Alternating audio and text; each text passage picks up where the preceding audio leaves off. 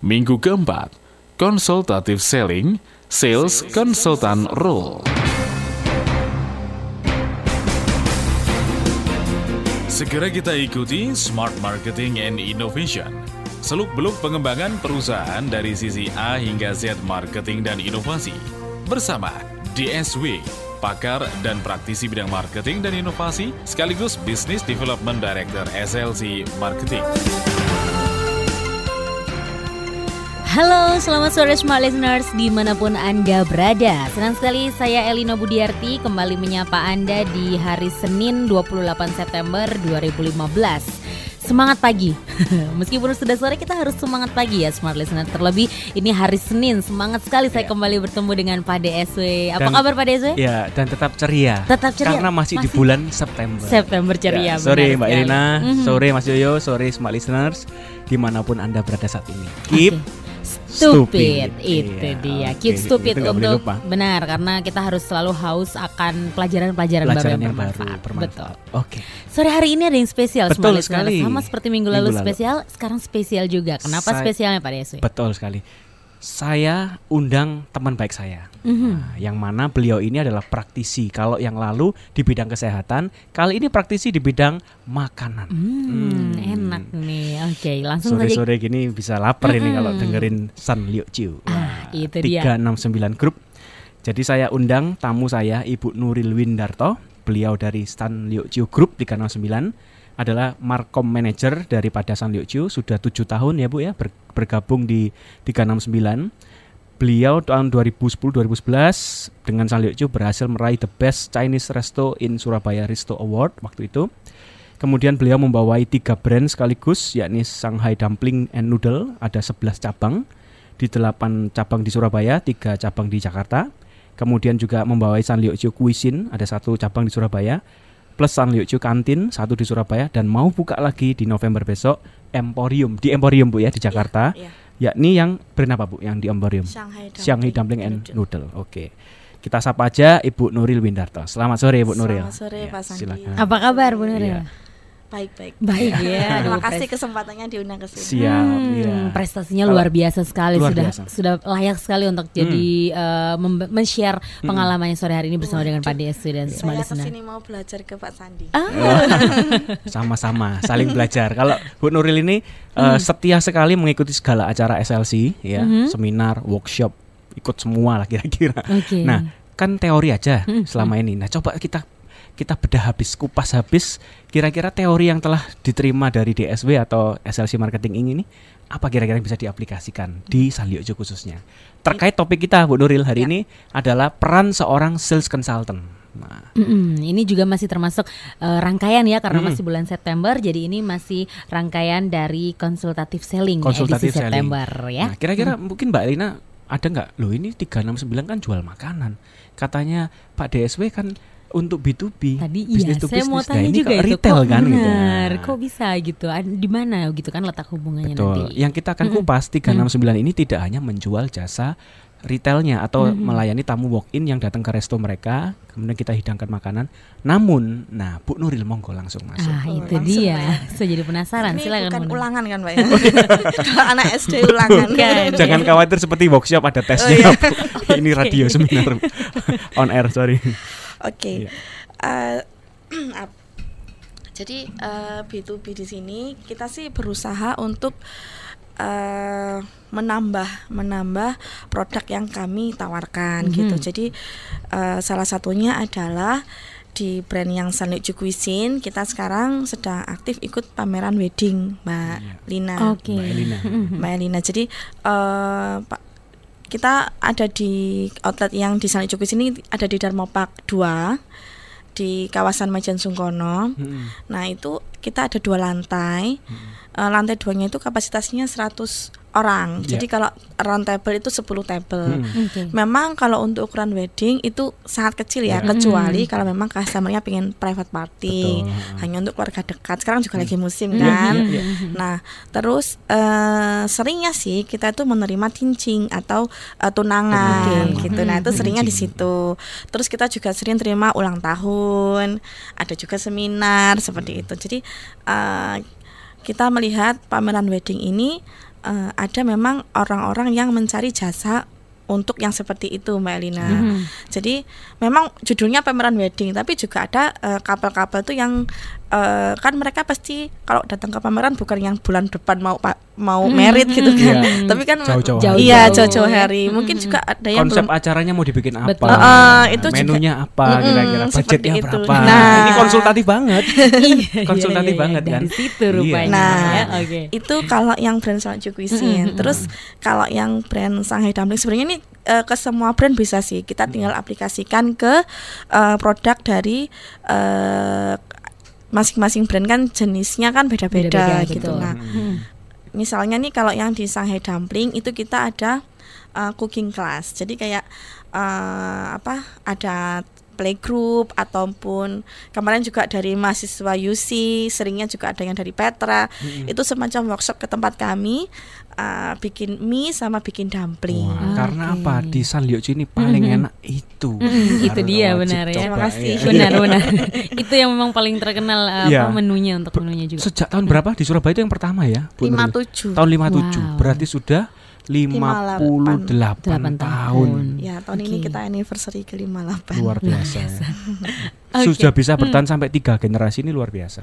Karena kalau family business biasanya generasi generasi satu mendirikan, generasi dua membesarkan, generasi tiga menghancurkan. Waduh, Tapi di jangan. bawah generasinya ini saya rekan juga Pak Mm. Wimpi ke- eh, dan timnya generasi tiga luar biasa malah tambah cabang tambah cabang Betul, tambah. malah terbukti juga mendapatkan uh, banyak penghargaan tadi ya Iya. yang di awal Nah. sudah disampaikan oleh Pak Artinya Desi family business yang sudah proven, sudah 58 tahun lintas tiga generasi dan semakin besar dan brandnya kalau kita lihat di San Liuchu ini nggak brand-brand jadul ya, Mm-mm. yang pakai pelang-pelang nama yang mohon maaf apa cuma istilahnya nggak di, disentuh dengan desain, semuanya artis artistik Mm-mm. banget. Di dalam interiornya pun sangat diperhatikan Mm. Ya. brandingnya luar Iya. biasa. dan Nah, langsung khas gitu ya kalau lihat-lihat itu betul, Betul. Chinese-nya langsung Hmm, Chinatown-nya sekali. keluar gitu kira-kira. Betul, Iya, itu dia. Luar biasa sekali smart listeners Eh, kalau kami di sini sungguh bisa eh, bahagia ya rasanya bisa mendengar share langsung nantinya dari Bu Hmm. Betul. Hmm. Nuril dan juga Pak Deswit tentang sales consultant role atau Role. peran sales konsultan ya. Ada delapan. Betul, nanti ada delapan akan dikupas habis di Hmm. sampai jam 6 sore nanti dan Anda juga bisa bergabung di sini. Saya ingatkan untuk Anda yang ingin menelpon, langsung saja telepon ke nomor 031 732 1498, SMS 0856 461 168889. PIN BBM Smart FM 5158F514 atau bisa melalui Twitter di @smartfm underscore SBY. Kita masih akan berbincang lagi dengan dua narasumber saya sore hari ini, akan tetapi kita akan kembali lagi setelah jeda pariwara berikut ini.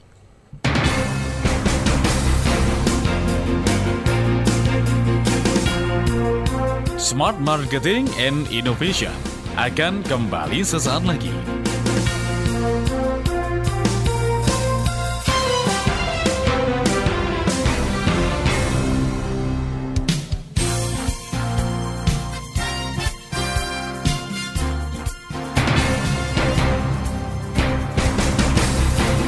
Kembali kita ikuti Smart Marketing and Innovation. Seluk-beluk pengembangan perusahaan dari sisi A hingga Z marketing dan inovasi.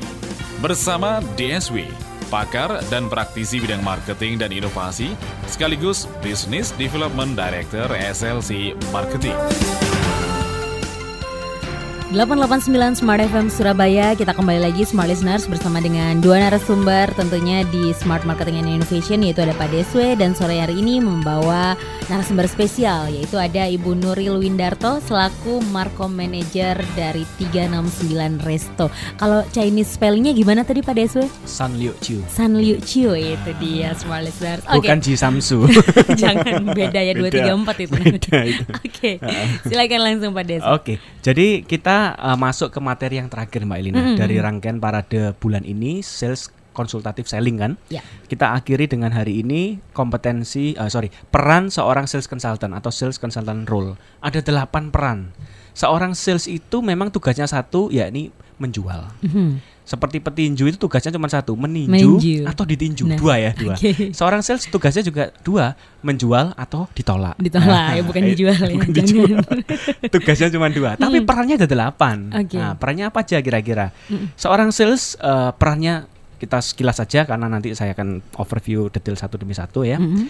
Waktu pertama kali bertemu dengan calon klien, ini kan B2B kan? Mm-mm. Ya pertama kali ketemu berperanlah sebagai murid dan sebagai dokter.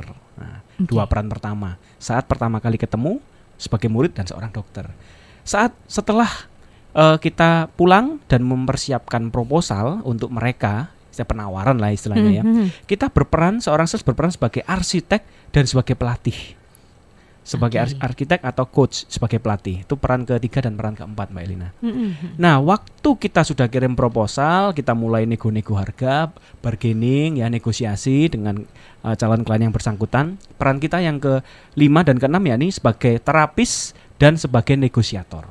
Ya, sebagai te- ahli terapi atau ahli peru- dan ahli perunding. Itu peran kita yang kelima dan keenam. Sedangkan peran yang terakhir saat klien sudah membeli jasa kita, jangan ditinggal, jangan Oke. hit and run Mhm. tapi kita berperan sebagai guru, sebagai teacher, dan yang terakhir sebagai petani atau farmer. Nah, jadi ada delapan peran selain daripada peran sebagai seorang sales yakni menjual, Mhm. yakni ber, berperilakulah, berperanlah sebagai murid, dokter, arsitek, pelatih, ahli terapi, ahli perunding, guru, dan petani. petani. Mhm. Oke. Itu dia. Ada kira-kira delapan seperti ya, itu. luar biasa menarik sekali nih eh, apa eh, yang harus dilakukan gitu Mm-mm. ya. Ada macam-macam gitu. Kita harus bisa multi talent di situ ya jadi Betul. seorang sales itu. Oke. Makanya ada apa lucuan ya, tapi nggak usah ini kayak kepanjangan ini kira-kira. Sales itu pasti masuk surga, Mbak Elina. Oh gitu ya. Iya betul sekali. Karena- Amin dong ya. Amin ya. Markom kan juga di bidang marketing Iya, dan sales. Saya juga benar, apalagi benar, kan benar. saya juga jualan. Nah, Mhm. kira-kira eh, sales itu pasti masuk sur- surga kenapa? Ah, iya. Kenapa Mbak Elina? Eh, karena dia membawakan Ini juk lu ya. Hmm. Iya. Nanti dikira sungguhan man. karena Kan- dia bisa menjual produk membawakan keuntungan bagi perusahaan, dapat pahala dari situ. Amin ya. Karena kalau sudah kalau di dunia selama Mm. hidupnya di dunia itu seperti sudah hidup di neraka. Nah, jadi kalau meninggal masuk surga. Enggak enggak itu juk aja ya. Iya, iya. Ya, sales Oke. memang punya target, punya apa namanya eh, tugas yakni mencapai target yang ditetapkan perusahaan. Mhm. Sedemikian rupa kita nggak bisa cuma ketemu orang pertama langsung jualan. Ingat kita bukan produk booster, kita adalah problem solver. Solver, yes. Kita nggak bisa datang langsung sodori katalog, sodori produk, tapi kita berangkat dari mencari kebutuhan pelanggan. Masih ingat tipe apa, bagaimana atau bagaimana apa? Mm. Nah, kita kan harus What- apa apa dulu, buat Mm-mm, dulu what apa how. kebutuhannya, kemudian bagaimana kita memberikan Mm-mm. solusinya. Mm. Nah, pertama berperanlah sebagai seorang murid saat mendengar kebutuhan-kebutuhan pelanggan yang Anda temui, calon klien tersebut ya kan? Nah, kira-kira Mbak Elina, murid itu kira-kira sifatnya macam gimana? Murid. Iya, Kita kan semua ingin- pernah jadi murid toh waktu Betul. waktu dulu. Mm. Ya. Selalu ingin tahu, kemudian mempelajari gitu kira-kira apa yang jadi masalahnya lalu eh, mencari jawabannya Oke. begitu. kalau Ingin murid. ingin tahu eh, tanya kepada siapa? tanya kepada guru Gurunya. gurunya. Gurunya yang pasti lebih tua, Mm-mm. lebih pinter, lebih berpengalaman. Betul ya? Mhm. Nah, itulah jiwa seorang murid. Saat kita menemui calon klien, jangan berlagak sok pintar di hadapan mereka. Jangan berlagak Anda lebih pandai, lebih paham daripada calon klien Anda. Karena murid nggak gitu. Murid itu hormat, sopan, taat, segan pada gurunya, takut mungkin pada gurunya. Karena gurunya siap menghukum kira-kira. Nah, sebagai murid adalah kita sebagai seorang sales konsultan kosongkan gelas Anda. Kosongkan gelas Anda, berangkatlah pada ini orang ini kira-kira mau seperti apa. Anda bertanya, lebih banyak bertanya kira-kira. Murid kan banyak bertanya. Mhm. Pak, Bu, kira-kira apa ya yang mungkin eh, Anda butuhkan saat ini yang kiranya kami bisa mem- memberikan apa yang Anda butuhkan. Nah, oke. Mhm. Nah, kira-kira kita ke Bu Nuril aja sebagai narasumber tamu kita ya. Em, Bu Nuril Ya. di Sanliojo Group ya. Ini kan lagi eh, gencar juga selain daripada tamu walk in, melayani tamu walk in juga jual eh, paket-paket wedding ya kan. Eh, lebih tepatnya outside catering, Pak. Oh ya, outside Ya. catering ya, sorry. juga untuk ini kan tempatnya yang di atas lantai Ya, dua itu kan juga untuk iya, untuk, untuk event sih event. ya. Seminar dan sebagainya, Mhm. acara gereja. Mhm. Nah, gimana Bu? Peran seorang murid ini waktu Bu Nuril dan timnya mungkin ya menjelaskan kepada calon klien yang ingin eh, mengambil jasa atau produk yang Ibu jual tadi, macam gimana pengalaman yang ada di lapangan? Silakan. Pertama sekali adalah acaranya kapan. Mm-mm. Mhm. Eh, karena kan bisa saja pada tanggal yang sama kita juga ada event yang lain di tempat yang sama Betul. gitu. Oke. Jadi eh, apa namanya acaranya kapan seperti gitu terus Oke. abis gitu eh berapa orang gitu yang diundang Mm-mm.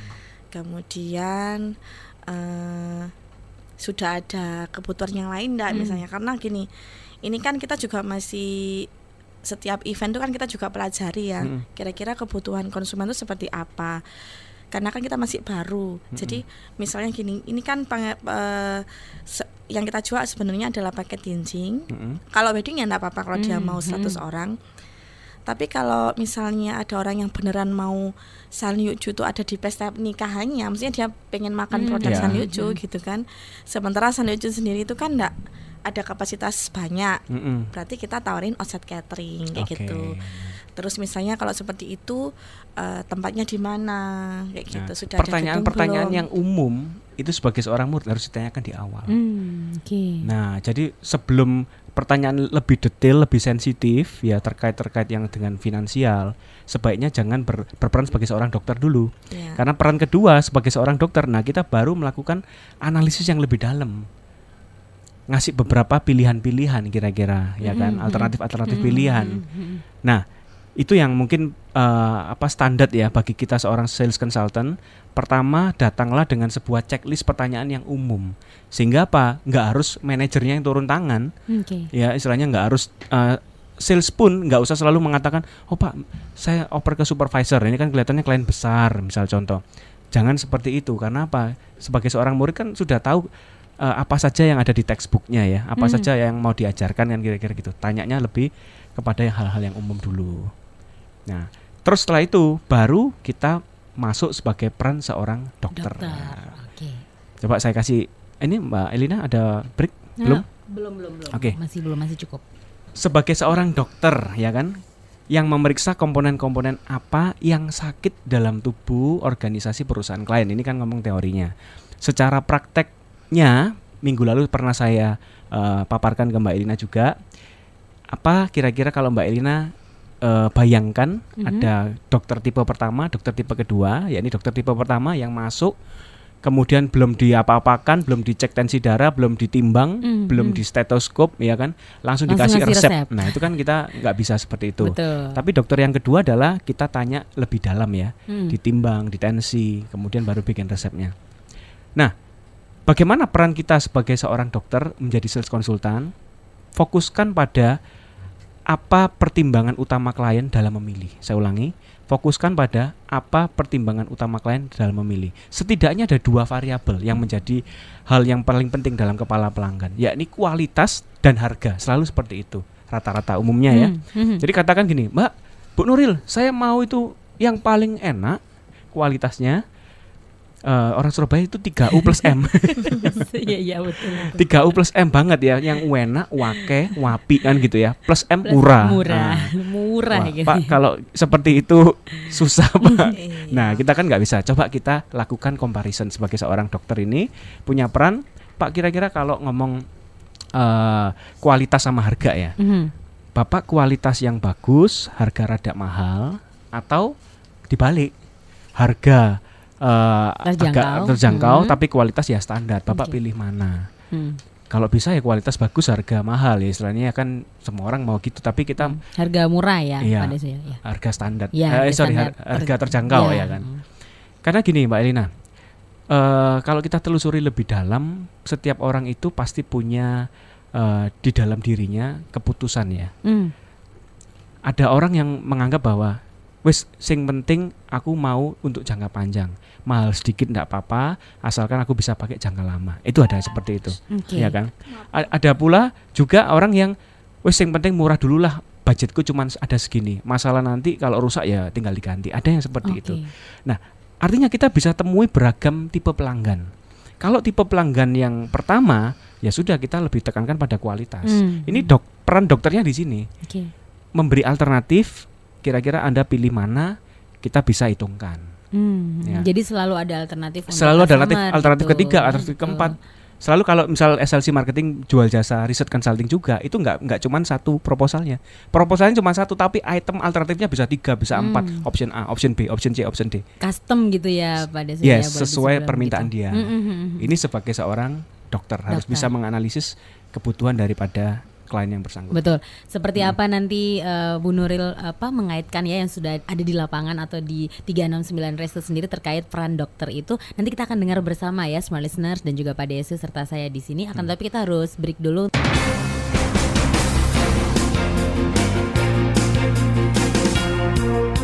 Smart Marketing and Innovation akan kembali sesaat lagi.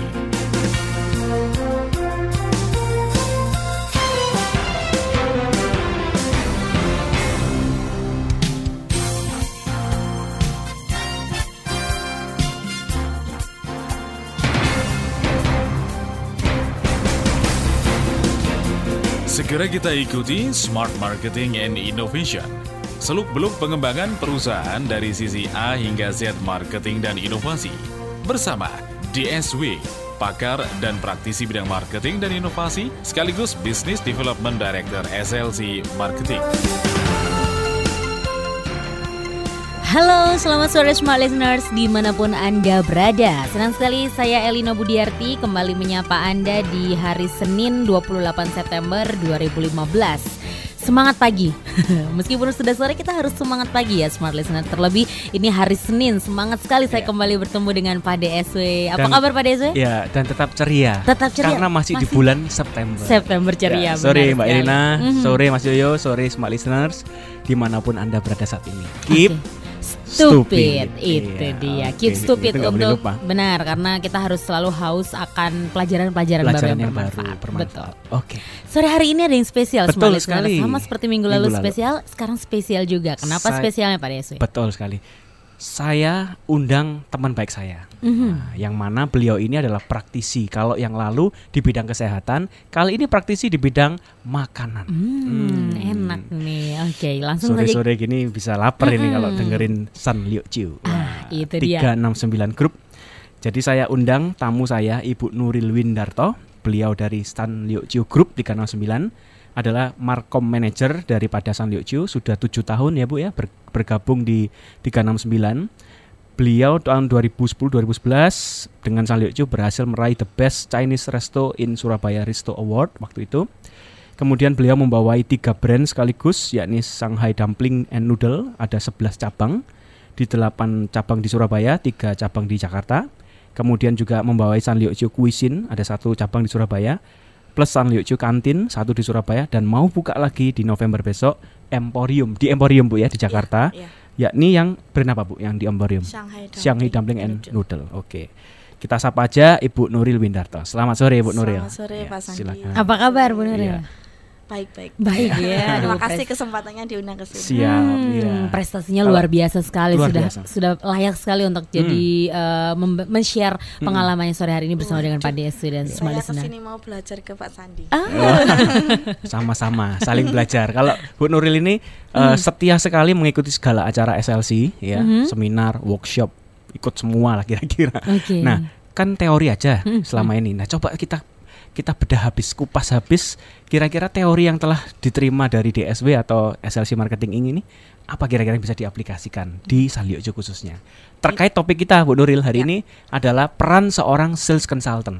Nah, Mm-mm, ini juga masih termasuk eh, rangkaian ya karena Mm-mm. masih bulan September jadi ini masih rangkaian dari konsultatif selling Konsultatif edisi selling. September ya. Nah, kira-kira mungkin Mbak Elina ada nggak? Loh ini 369 kan jual makanan.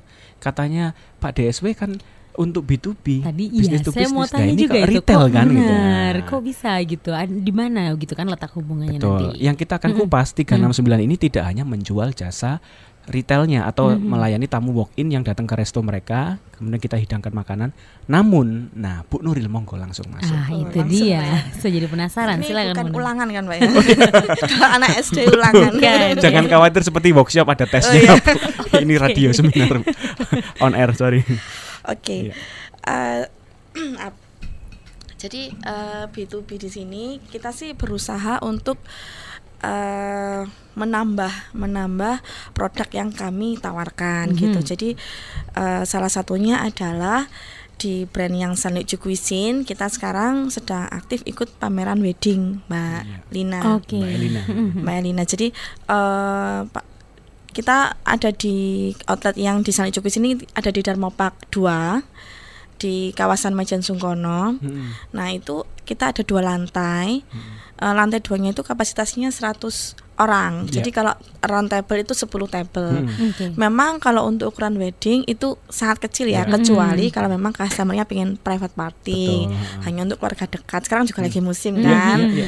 Nah, terus eh, seringnya sih kita itu menerima tincing atau eh, tunangan Oke. gitu. Nah, itu Hmm, seringnya di situ. Terus kita juga sering terima ulang tahun, ada juga seminar seperti itu. Jadi eh, kita melihat pameran wedding ini eh, ada memang orang-orang yang mencari jasa untuk yang seperti itu Mbak Elina. Mhm.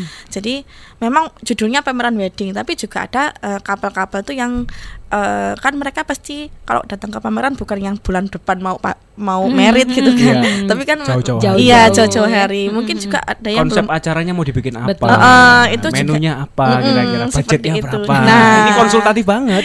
Iya, Konsultatif iya, iya, banget dari kan? situ Iya. rupanya. Nah, ya. Oke. itu kalau yang brand Salju Cuisine. Terus kalau yang brand Shanghai Dumpling sebenarnya ini eh, ke semua brand bisa sih. Kita tinggal aplikasikan ke eh, produk dari eh, masing-masing brand kan jenisnya kan beda-beda gitu. betul. Nah, Hmm. misalnya nih kalau yang di Shanghai Dumpling itu kita ada uh, cooking class. Jadi kayak uh, apa? Ada playgroup ataupun kemarin juga dari mahasiswa UC, seringnya juga ada yang dari Petra. Itu semacam workshop ke tempat kami uh, bikin mie sama bikin dumpling. Wah, karena Oke. apa di Sanliucu ini paling Mhm. enak itu. Mm, itu Baru dia wajib benar ya. Terima kasih. iya. Benar benar. itu yang memang paling terkenal uh, Iya. apa menunya untuk menunya juga. Sejak tahun berapa di Surabaya itu yang pertama ya? Bu Nuril? 57. Tahun 57. Wow. Berarti sudah 58 Delapan tahun. tahun. Ya, tahun ini Oke. kita anniversary ke-58. Luar biasa. ya. Oke. Sudah bisa bertahan sampai tiga generasi ini luar biasa. Karena kalau family business biasanya generasi generasi satu mendirikan, generasi dua membesarkan, generasi tiga menghancurkan. Waduh, Tapi di jangan. bawah generasinya ini saya rekan juga Pak Mm. Wimpi Mm-mm. ke- eh, dan timnya generasi tiga luar biasa malah tambah cabang tambah cabang Betul, tambah. malah terbukti juga mendapatkan uh, banyak penghargaan tadi ya Iya. yang di awal Nah. sudah disampaikan oleh Pak Artinya Desi family business yang sudah proven, sudah 58 tahun, lintas tiga generasi dan semakin besar dan brandnya kalau kita lihat di Sanliucu ini nggak brand-brand jadul ya, Mm-mm. yang pakai pelang-pelang nama yang mohon maaf apa cuma istilahnya nggak di, disentuh dengan desain, semuanya artis artistik Mm-mm. banget. Di Mm-mm. dalam interiornya pun sangat diperhatikan Mm. Ya. brandingnya luar Iya. biasa. dan Nah, langsung khas gitu ya kalau Khas lihat-lihat Chinese. itu betul, Betul. Chinese-nya langsung Hmm, China sekali. keluar gitu kira-kira. Betul, itu dia. Luar biasa sekali Ah. smart listeners Eh, kalau kami di sini sungguh bisa eh, bahagia ya rasanya bisa mendengar share langsung nantinya dari Bu Hmm. Betul. Nuril dan juga Pak Deswit Hmm. tentang sales consultant role atau Role. peran sales consultant ya. Ada Jadi, delapan. Betul, nanti ada delapan akan dikupas habis di Mm-mm. sampai jam 6 sore nanti dan Anda juga bisa bergabung di sini. Saya ingatkan untuk Anda yang ingin menelpon, langsung saja telepon ke nomor 031 732 1498, SMS 0856 461 168889. PIN BBM Smart FM 5158F514 atau bisa melalui Twitter di @smartfm_sby. Kita masih akan berbincang lagi dengan dua narasumber saya sore hari ini, akan tetapi kita akan kembali lagi setelah jeda pariwara berikut ini.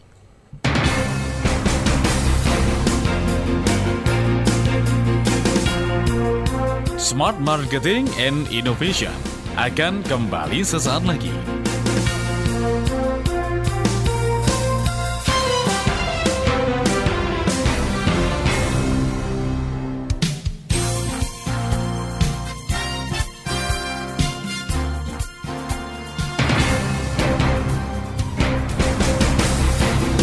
Kembali kita ikuti Smart Marketing and Innovation. Seluk-beluk pengembangan perusahaan dari sisi A hingga Z marketing dan inovasi. Bersama DSW, pakar dan praktisi bidang marketing dan inovasi, sekaligus Business Development Director SLC Marketing. Baik, Bu Nuril bisa langsung di ini ya dikaitkan tadi yang untuk terapis nih. Seperti yang tadi Pak Deswi sudah sampaikan sudah dipaparkan di awal ya. ketakutan-ketakutannya. Worst case-nya itu kan kadang mereka tanyakan, Bu. Ya. Eh, biasanya sih kalau kita lagi event di pameran wedding itu kan eh, banyak yang pesen untuk paket buffet ya, maksudnya prasmanan. Prasmanan. Nah, kadang yang sering ditanyakan itu adalah porsinya. Hmm. Oke. Jadi portioningnya, ini kan kalau di brosur kami itu kan kita bilangnya per pax misalnya kalau di, di kita ada yang minimum eh, 75, ada yang minimum 100 ribu gitu. Mhm. Nah, kan bilangnya per pax itu eh, bilangnya kan per orang Mbak Yana. Hmm. Biasanya orang loh nanti kalau misalnya saya pesen 300 apakah itu porsinya juga untuk 300 orang? Iya. Nah, Kayak Tergantung gitu. tamunya. Kalau yang datang ya, ya, seperti gitu. saya, cowok-cowok suka makan kurang. Kalau yang datang seperti Mbak Elina, kecil-kecil, kelebihan nanti. Nah, Gimana Bu sebagai seorang terapis ini? Nah, biasanya kita gini, Pak. eh, kita jelaskan mengenai eh, porsinya Mm-mm, gitu. Memang eh, kalau memang seperti ini kita eh, se- sebelum-sebelumnya kan kita juga ada dokumentasi tuh Mhm. dari apa eh, klien-klien sebelumnya yang pesan di tempat kami. Ah. Terus kata juga- kuncinya adalah data history. Betul, Ya. dokumentasi Punya tadi dokumentasi gitu yang ya. tadi. Oke. Terus termasuk juga misalnya kita juga ada dokumentasi untuk eh, penataan mejanya, terus menunya seperti apa.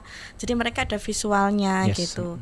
Termasuk juga eh, benefit-benefit lain kalau misalnya eh, ambil paket ini misalnya gitu. Hmm, Misalnya hmm, kayak hmm. oh sudah ada dekorasinya. Oh dekorasinya seperti itu ya kayak gitu kan Hmm. ada foto-fotonya. Mm-mm. Dari situ sudah ngalir diskusi-diskusi lain. Misalnya, lo ini per pax-nya berapa gitu. Kalau saya ambil segini ada diskonnya ndak kayak gitu. Atau Oke. misalnya, oh saya nggak mau menu ini bisa diganti ini ndak Nah, gitu. ini negosiatornya perannya keluar nih. Oke. Peran ke-6 adalah sebagai negosiator. Negosiator. Nah, tadi Bu Nuril terakhir ini ini ada diskonnya enggak? Kalau tak ganti ini ada pengurangan Menu, harga eh, Menunya ada berubah enggak? Ini negosiatornya keluar perannya, Bu. Mm-mm. Kalau kita sih sebisa mungkin mengakomodasi semua kepentingan konsumen ya, karena namanya rezeki kan nggak nggak nggak baik ditolak pak Iya, ya. Betul. Eh, jadi kalau di outset catering kami kita ada eh, tagline-nya save money high quality. Wah, mantap. Save money high quality. Ini Benar, karena ya. kita juga belajar dari pameran-pameran sebelumnya. Mm-mm. Kemudian kita juga belajar dari eh, orang-orang yang datang yang pesan di tempat kami gitu. Hmm. Kebutuhannya seperti apa. Jadi di tempat kami save money high quality. Berarti ini benar-benar memenuhi tipe orang Surabaya tadi ya, Pak Iya. Ya? Orang Iya. Surabaya kalau dikasih gini Iya. pasti seneng. ini. Iya. Mm-mm. Tadi apa UM itu teh? 3U plus M ya. Itu dia. Soalnya kalau sudah bicara menu, sudah bicara benefit itu agak panjang.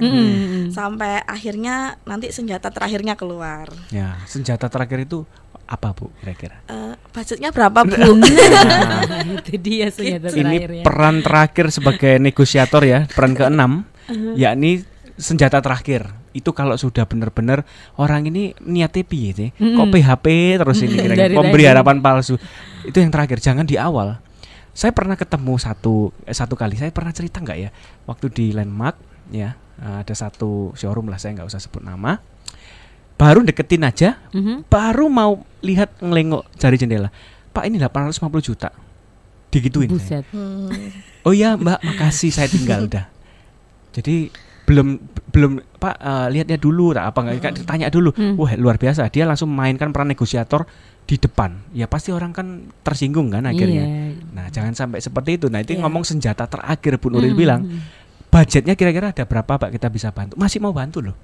Nah Ya, jangan di depan. Eh, eh, dari situ Hmm. kita juga bisa lihat eh, kayak kesungguhan dia itu seperti apa.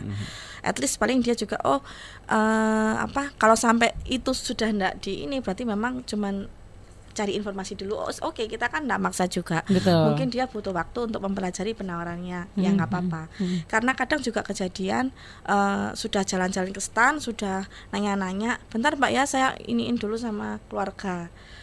Besoknya balik lagi ada, terus langsung deal berapa meja kayak gitu Hmm, juga oke. ada. Oke.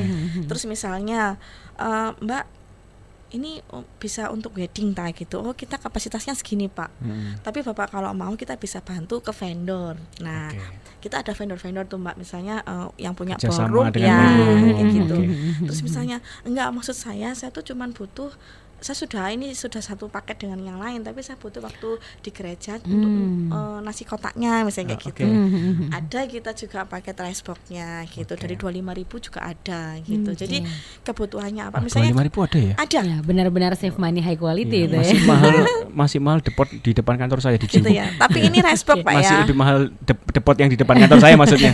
Di jiwa biasa. Tapi nasi kotak Pak ya. Mm-mm. Ya. Mm-mm. Oke oke. Oke baik, Eh, beranjak ke selanjutnya Ya oke, nah Pak ini peran ketujuh, peran ke-8 adalah peran di mana klien sudah deal, sudah beli, sudah bayar, sudah DP dan menikmati jasa kita atau produk yang kita jual. Hmm. Kita Oke. berperan sebagai guru dan berperan sebagai petani. Apa itu kira-kira sekilas saja? Sebagai seorang guru, guru ini kan selalu menciptakan impian, menanya, kamu besok besar nak mau jadi apa? Oke. Nah, cita-citamu apa? Mm-mm. Itu menciptakan ekspektasi murid-muridnya. Saat kita sudah nanganin satu klien sudah jalan, jangan lupa ciptakan kebutuhan baru. Kira-kira kalau misal tingjingannya CC yang pertama, tacik yang pertama, Hmm. Bu AI ah, apa namanya bibi ya kan Mm-mm. kalau orang Chinese bilang AI anaknya yang kedua kapan tingginya Nah, iya, lamarannya kapan kan gitu kira-kira ciptakan kebutuhan baru jangan cuma berhenti satu klien deal anda selesai di sana sayang peran kedelapan adalah peran sebagai seorang petani mbak Elina. Oke. kalau bisa kita kan berternak ya ikan atau ternak apa pun dari kecil kita biarkan sampai besar. Demikian apa kalau bisa satu klien ini terus di tempat kita nggak pindah ke mana-mana. Jadi kalau sudah pernah pakai jasa kita, katakan di San Liuju, kalau bisa anaknya yang pertama, kedua, keting- ketiga, tingjing wedding di sana semua. Oh, siap. Bahkan Mm-mm, mungkin mm-mm. ponaannya Semuanya se- di situ tetangganya. sudah, Nah, gitu. ini kan sebagai petani kita akhirnya merawat Oke, klien betul. tersebut sedemikian rupa selalu setia sama kita. Nah, Mm-mm. monggo, mungkin ada pengalaman khusus sharing dari Bu Nuril Ya. Betul. brand yang lain yang sudah setia benar sama San Liuju sedemikian nggak akan selingkuh. Si- Hmm. Monggo. Kalau ini kejadiannya barusan aja sih Pak. Ya, Jadi gimana? kemarin itu kita eh, ada terima outset catering di kawasan wisata Bukit Mas, pindahan rumah. Oke. Itu 50 packs ya. Mm-mm. Karena sebelumnya dia pernah ngerayain ulang tahun, anaknya pernah ngerayain ulang tahun di tempat kami. Mm-mm. Jadi terus eh, beberapa bulan kemudian dia order untuk eh, Pindahan pindahan itu rumah, tadi ya. eh, seperti itu. Terus kalau misalnya eh, yang tincing itu ini seperti kata Pak Sandi, Desi. tapi bukan saudaranya, temennya, Ah, Hmm. oke. kayak gitu temennya. Referralnya keluar akhirnya. Tapi kalau temennya biasanya kayak gini Pak Sandi. Iya, gimana? Dulu teman saya dapat ini gitu. Wah, ini. Hati-hati sih. kita harus berperan lagi nih, balik jadi pelatih lagi. Dulu teman saya dapat ini, dapat ini Mbak gitu. Saya Bisa nggak dapat yang eh, sama? eh, gitu. Oke. Padahal itu Dulu. temannya. Iya.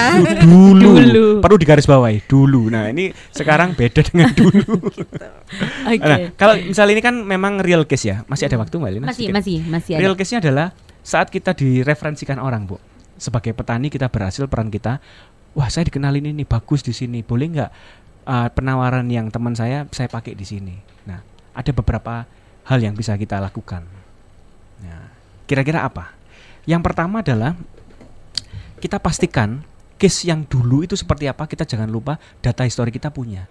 Oh, dulu Bu, dia pesen 100 packs. Nah, Ibu pesen berapa packs misal. Nah, kalau cuma pesen 50 packs, mohon maaf Bu, belum Hmm, bisa. Oke. Jadi samakan dulu, samakan terlebih dahulu ya antara keadaan yang lampau dengan yang diminta sekarang. Kalau sama persis, kita masih bisa bantu. Hmm. Memang terkait masalah inflasi ya, Hmm, hmm, hmm. harga bahan-bahan kan naik semua. Nah, mungkin ada di sana kita bisa nego di sana. Tapi kalau sudah benar-benar case-nya beda, nah kita juga jangan serta merta mosok Bu eh, ini dibantu saya enggak. Nah, ini kan ngomong Win-win solution. Ah, ah, Hmm. menjanjikan eh, apa namanya nanti bu kalau bolehlah saya referensikan teman-teman saya itu kan kalau nanti iya kan iya kalau direferensikan kalau enggak. enggak kan kita juga istilahnya harusnya cuannya lumayan keuntungannya gara-gara nolong orang ini cuan kita berkurang kan gitu keuntungan kita iya. berkurang Jangan Nah, juga gitu ya. Kadang memang Hmm. dilemanya seperti itu Pak Sandi. Misalnya kita Mm-mm. kan juga nggak pengen kehilangan konsumen Calon ya, klien eh, gitu ya. gitu. Mm-mm. Tapi eh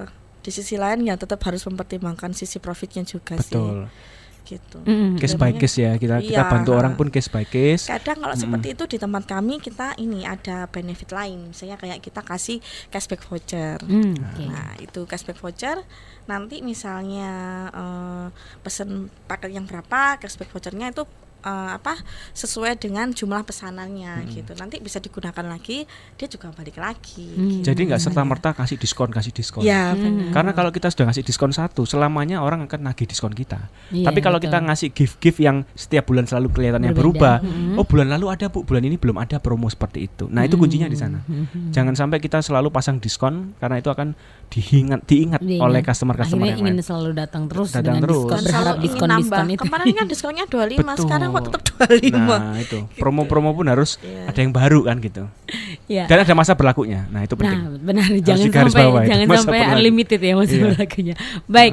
Oke, ini sebenarnya masih banyak juga yang ingin kita perbincangkan Iya, ya, akan tapi berhubung waktu waktu juga yang eh, memang sudah harus mengakhiri akan tetapi boleh ada review maupun tambahan sedikit dari Pak Desi. Jadi sekali lagi sales consultant role peran seorang konsultan sales consultant ini ada delapan, yakni menjadi murid, menjadi dokter saat bertemu klien pertama kali, kemudian berperanlah sebagai arsitek dan ber- berperan sebagai pelatih saat mereka sedang mempelajari membuat proposal dan mereka mempelajari proposal kita atau penawaran kita, berperanlah sebagai ahli terapi, terapis dan negosiator saat mulai ngobrol masalah harga, masalah bonus dan sebagainya. Kemudian berperanlah sebagai seorang guru dan petani setelah mereka ambil jasa kita atau produk yang kita jual. Sedemikian terus mereka memberikan referensi baru, repeat buying, repeat order di tempat kita. Itu adalah eh, intisari materi hari ini. Kira-kira eh, juga Mbak Elina bisa nggak sedikit eh, cerita tentang dari Senin 7 September topiknya apa sedikit-sedikit diulas sedikit ya sampai 28 September hari ini. Benar. Ya. Jadi eh, ini merupakan rangkaian edisi di bulan September 2015 Smart Listeners yaitu mengenai konsultatif selling di mana terbagi ke dalam empat ed- empat sesi atau empat sen- empat kali Senin mulai dari tanggal 7 September yaitu ada transaksional Hmm, versus versus- konsultatif selling Iya. ya. Kemudian yang kedua Senin tanggal 14 September yaitu konsultatif selling proses, Proses. ya, prosesnya seperti apa begitu. Lalu di Senin 21 September yaitu sales consultant kompetensi, Kompetensi. atau dari kapabilitas seorang konsultatif selling ya. Ya. Kemudian di hari ini yaitu Senin 28 September seperti yang sudah kita dengarkan bersama tadi yaitu sales consultant role atau pera- peran dari sel- seorang sales consultant seperti itu. Bulan depan tentang distribution channel. Itu dia belum distribution pernah ya, channel. distribution channel untuk anda pemilik pabrik atau anda yang bekerja di pabrik untuk mendistribusikan produk-produk yang anda produksi sampai ke distributor, agent maupun retail di setiap kota atau desa-desa yang ada di seluruh Nusantara. Bagaimana distribution channel strateginya? Itu Bulan depan edisinya seperti itu. Kita tunggu ya di Oktober, tentunya di minggu depan sudah Oktober. Iya. Jadi smart listeners jangan khawatir, nanti sudah akan langsung disampaikan oleh Pak DSW. Bu Nuril terima kasih banyak. Mungkin ada tambahan sedikit atau sudah Monggo, cukup? Tambahan mungkin. Eh, apa ya, Pak ya? ya, terima kasih sih Pak kesempatannya. Oh, ya, sama-sama sama Mbak Elina Hmm. bosnya. ini. karena kan ini saya juga jadi di reminds lagi gitu ya kan kadang eh, apa yang kita ketahui secara teoritik itu di lapangan kadang juga Berbeda. berbeda Hmm, gitu. Tapi tapi juga aplikasi bisa dikontekskan. ya, Nah, istilahnya. nah Itu dia. Eh, bisa jadi- dijadikan acuan juga Betul. gitu Hmm. karena kan kita juga apa eh, seperti yang tadi intinya kalau memang kita bicara soal sales itu kan kita bicara soal target pak ya Hmm. itu kan eh, apa namanya pushnya itu kan luar Hmm. biasa Hmm. tapi jangan sampai kita melakukan melupakan profitnya Betul, Itu yang tujuan penting berbisnis juga. juga, Iya. itu kan profitnya. Baik. Heeh. Jadi kapan saya dan Pak DSW diajak ke 369? Nah, itu dia. Oh, iya. Iya iya iya ya. Nanti boleh boleh ya. boleh. Jogging, just jogging ya. Just joking Nah, ya, itu beneran apa apa. Oke. Jangan anggap ini guyonan, Pak. Baik. gak enak awakku ini. Baik. Oke, oke. Baik, terima kasih juga untuk semua listeners yang sudah Ya. mendengarkan perbincangan dari pukul 5 sampai 6 sore hari ini. Semoga bermanfaat untuk Anda. Minggu depan ingat topiknya akan tidak kalah menarik daripada edisi di bulan September ini. Akhir kata saya Elina Budiarti.